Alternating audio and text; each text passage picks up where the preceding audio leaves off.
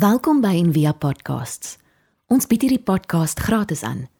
Om 'n bydrae te maak, besoek gerus ons webblad en via.org.za vir meer inligting.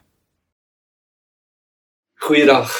Baie dankie vir die geleentheid om weer saam met julle te kan wees en via en weer eens baie dankie vir al die insette van die produksieleiers wat veral kom in forme van voorskrifte, vermaanings en so aan. Ehm um, ek probeer my bes om hierdie ding te doen. Baie dankie. Ehm um, een van die oudste geloofsbelijdenisse wat die kerk het sê dat ons glo in die kerk en aan die gemeenskap van die gelowiges in die apostolikum. Dit is gebaseer op die leer in die lewe van Jesus. Ehm um, as jy sy volgeling raak, dan raak jou verhouding met ander Christene baie belangrik en ehm um, jy kom saam met hulle. Al goed gebeur ehm um, die kerk is verbied, verban, vervolg, maar niemand kon gelowiges nog ooit stop om saam te kom nie. Hoekom? Wat doen ons? Hoe doen ons dit as ons bymekaar kom? Uh COVID het weer een van daardie situasies meegebring waarin ons vir 'n tyd verbied was en uh, waar baie van ons ook besluit het ek wil nie nou saamkom saam met enige iemand anders nie. En uh, tog was daar die opsie om digitaal op 'n ander manier bymekaar te kom. En dit lyk vir ons asof die nuwe ontleikende realiteit beteken dat ons in persoon en digitaal bymekaar kan wees. Ehm um, soos nou. En ehm um, dit 'n hele nuwe wêreld vir ons oopmaak van wat beteken dit? Hoe is dit? En dit lyk vir ons dis nie die een of die ander een nie.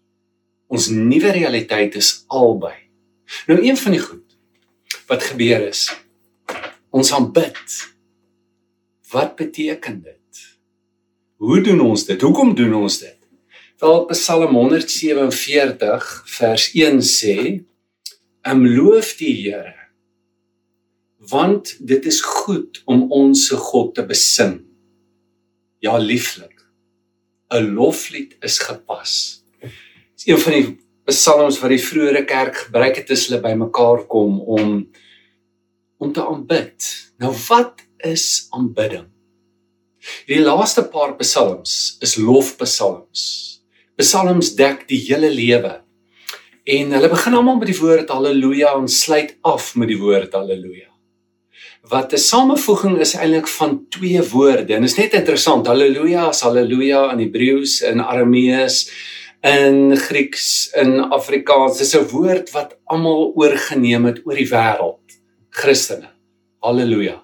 Is hallelu en ja.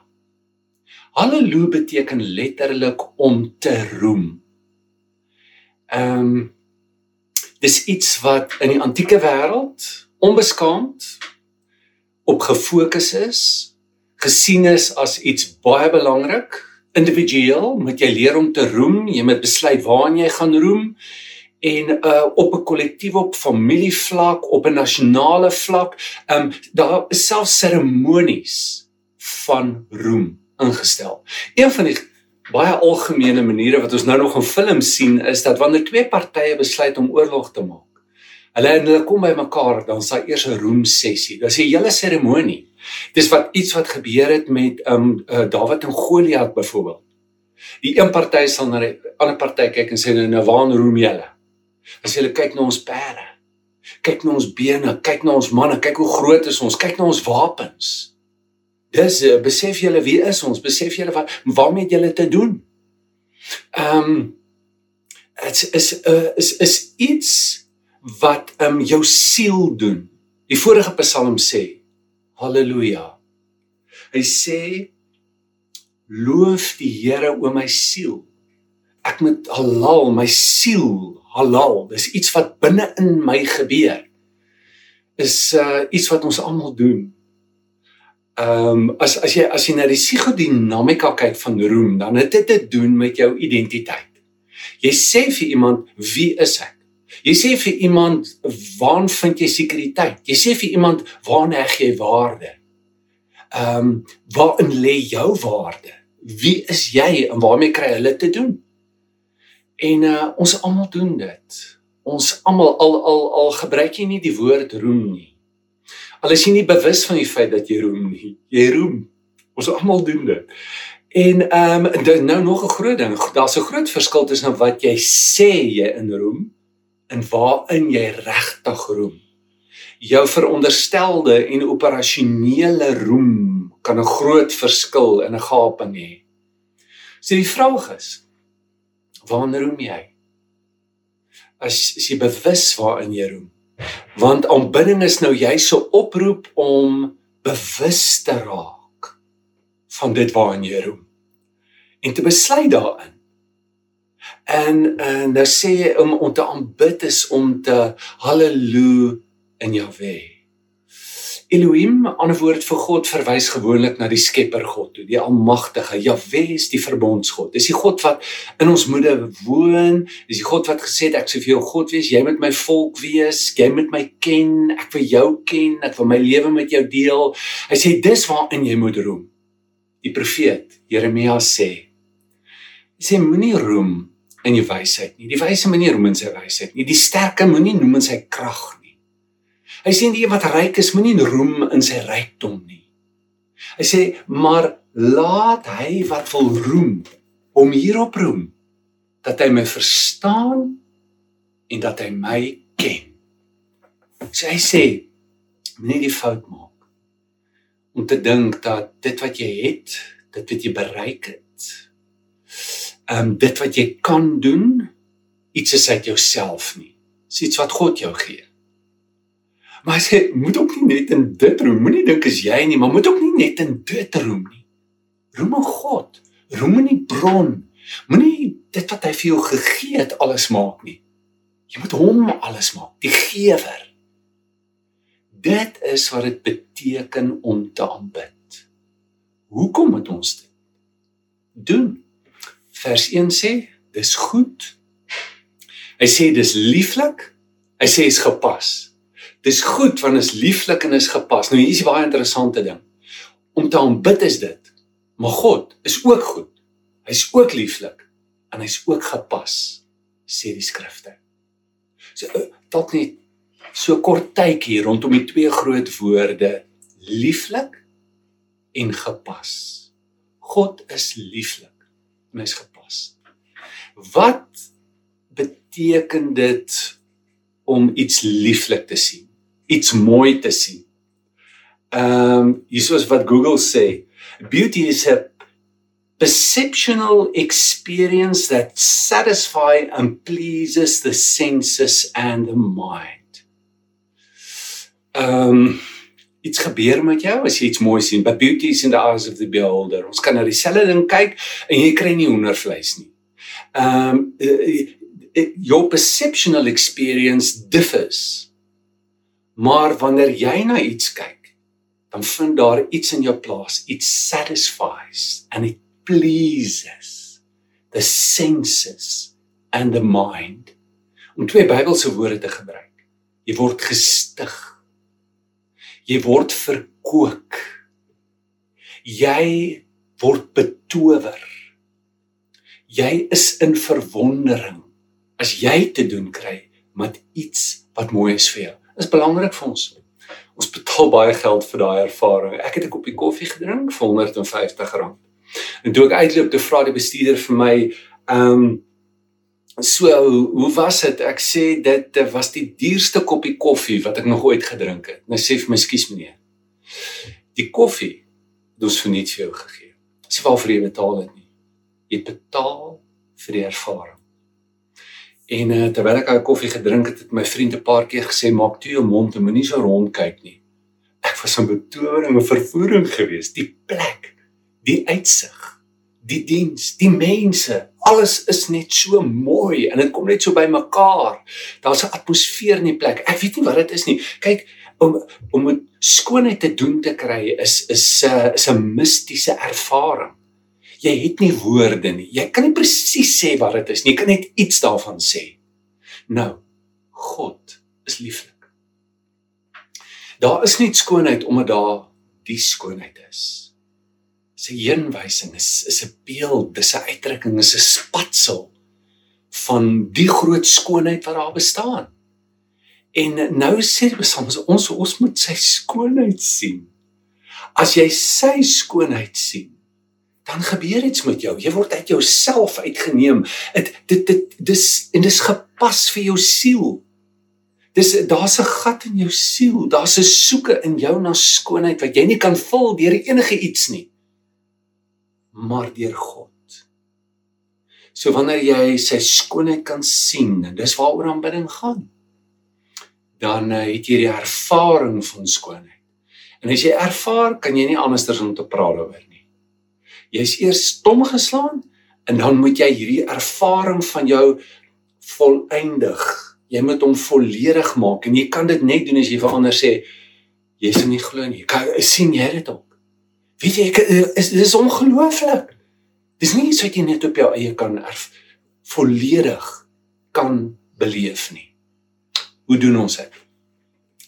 Wel, dis 'n dis 'n dissipline. Hierdie hierdie psalm se oproep, se opdrag Jy moet leer om dit te doen. Dit is geloofsgewoonte. In die kerk het een keer 'n week op 'n makrovlak bymekaar gekom.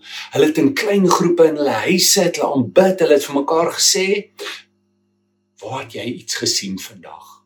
As jy terugkyk, wat het eh, jy dis dis dis 'n ding wat jy moet leer. Jy doen dit nie net op jou eie nie, jy doen dit op jou eie. Jy leer en doen dit saam met ander. En wat interessant is, aan die einde van die lament kom die psalms. Maar maar ek dink nie dit beteken dat jy eers uit die lament uit uit die swaar van jou lewe moet kom om uiteindelik op 'n plek toe kom waar jy kan aanbid nie, na die skoonheid van God kan kyk nie. Nee, dit is ehm um, dis iets wat jy juis moet doen in die plek van lament. Lament. Uh Paulus sê in Tessalonisense 4, hy sê ons moet wanneer ons treur, dan moet ons dit nie sonder hoop doen nie. Aanbidding help jou om met hoop in die verliese, in die swaar van die lewe, skoonheid en goedheid te ontdek en te kan sien. Dan ehm um, aanbid jy en dit help jou met jou lament en met jou swaar kry sodat jy dit nie sonder hoop kan doen nie, sodat jy dit uiteindelik kan afhandel en kan aanbeweeg met jou lewe. So prakties, hoe gebeur dit? Jy skenk aandag. Jy reflekteer, jy dink na. Oor wat? Oor God. Wat van God? Wel hoe hy jou toe kom. En in in in in daar's drie maniere. Die kerk van vroeg af gesê, daar is die ons noem dit die openbaringsmodies van God. Daar is die algemene openbaring. Daar's die besondere openbaring en daar's die persoonlike openbaring van God. En die bron van daardie openbaring is die algemene openbaring, is die skepping. En in hierdie Psalm uh, dan sê dan sê die skrywer hy sê kyk na die reën, kyk na die gras op die berge. Kyk na die diere, kyk hoe hulle kos kry, kyk na die rawe. Ja, hy's hy's hy's opgeneem, maar maar dan is daar ook die persoonlike openbaring, die besondere openbaring. Dit kom deur die skrif. Dit kom deur Christus deur die woord na jou toe. In vers 19 sê hy hy maak aan ons sy woord bekend. Sy verordeninge, sy insettinge. Is as as ek met sy woord omgaan. As ek kyk, as ek nadink, dan gebeur daar iets met my. Dan sal die persoonlike openbaring. Dis die ervaring. Dis dit wat met jou gebeur in jou lewe. Hy sê hy bring hy bou Jerusalem weer op. Openbaring 21 sê Johannes die nuwe Jerusalem is die kerk. Hy bou die kerk weer op. Hy bring hulle wat in verstrooiing is bymekaar. Hy genees die gebroke van hart. Dis vreeslik as jou hart breek. Dis vreeslik as die mat onder jou lewe uitgetrek word en jy het nie sin nie. Jy's in chaos. Niemand kan iets vir jou doen nie is die einde van jou lewe. Dan kom hy na jou toe. Dan maak hy jou gesond, jou hart. Dis 'n plek waar niemand kan vat nie. Dis 'n is 'n is 'n plek waar niemand jou meer kan help nie. Hy verbind die gebrokene. Hy versorg. Hy, hy gaan lees die Psalm. is jy kan jy sien hoe hierdie goed met jou gebeur in jou lewe? Dis God. Dis God wat agter dit is. Alles wat hy vir jou gee, wat hy vir doen. Victor van Hugo het gesê as drie boeke wat jy moet lees. Hy sê die boek van die skrifte. Die boek van die skepping. Dis God se eerste Bybel. En dan die boek van jou ervaring. Hy kom na jou toe in jou ervaring. Hy werk in jou lewe. Hy gee om. Hy's daar vir jou. Jy al as om jou liggaam funksioneer, sien jy God in jou lewe. En uh, as jy kan kyk, dan reageer jy op dit. Jy gee uitdrukking, jy erken dit. Dis aanbidding. En jy doen dit kunstig as jy met die siter met 'n psalm. Wat's 'n psalm? Is ek gaan skryf hom. Ek dink oor hom, ek oefen hom, hoor hoor hoor, dit is by mekaar kom kom. Sê ek vir hulle kom kom ons sit saam. Ek sing hom. Sing saam met my nou. Ons gaan bid nou. Ehm um, so wonderlike ding om te doen. So waar is jy in jou lewe? Wat dink jy van aanbidding? Is is is ons nogal uitgedaag? Ons is individualisties, né? Nee? Ehm um, ek ek dink ek kan hierdie lewe self doen. Jy kan nie.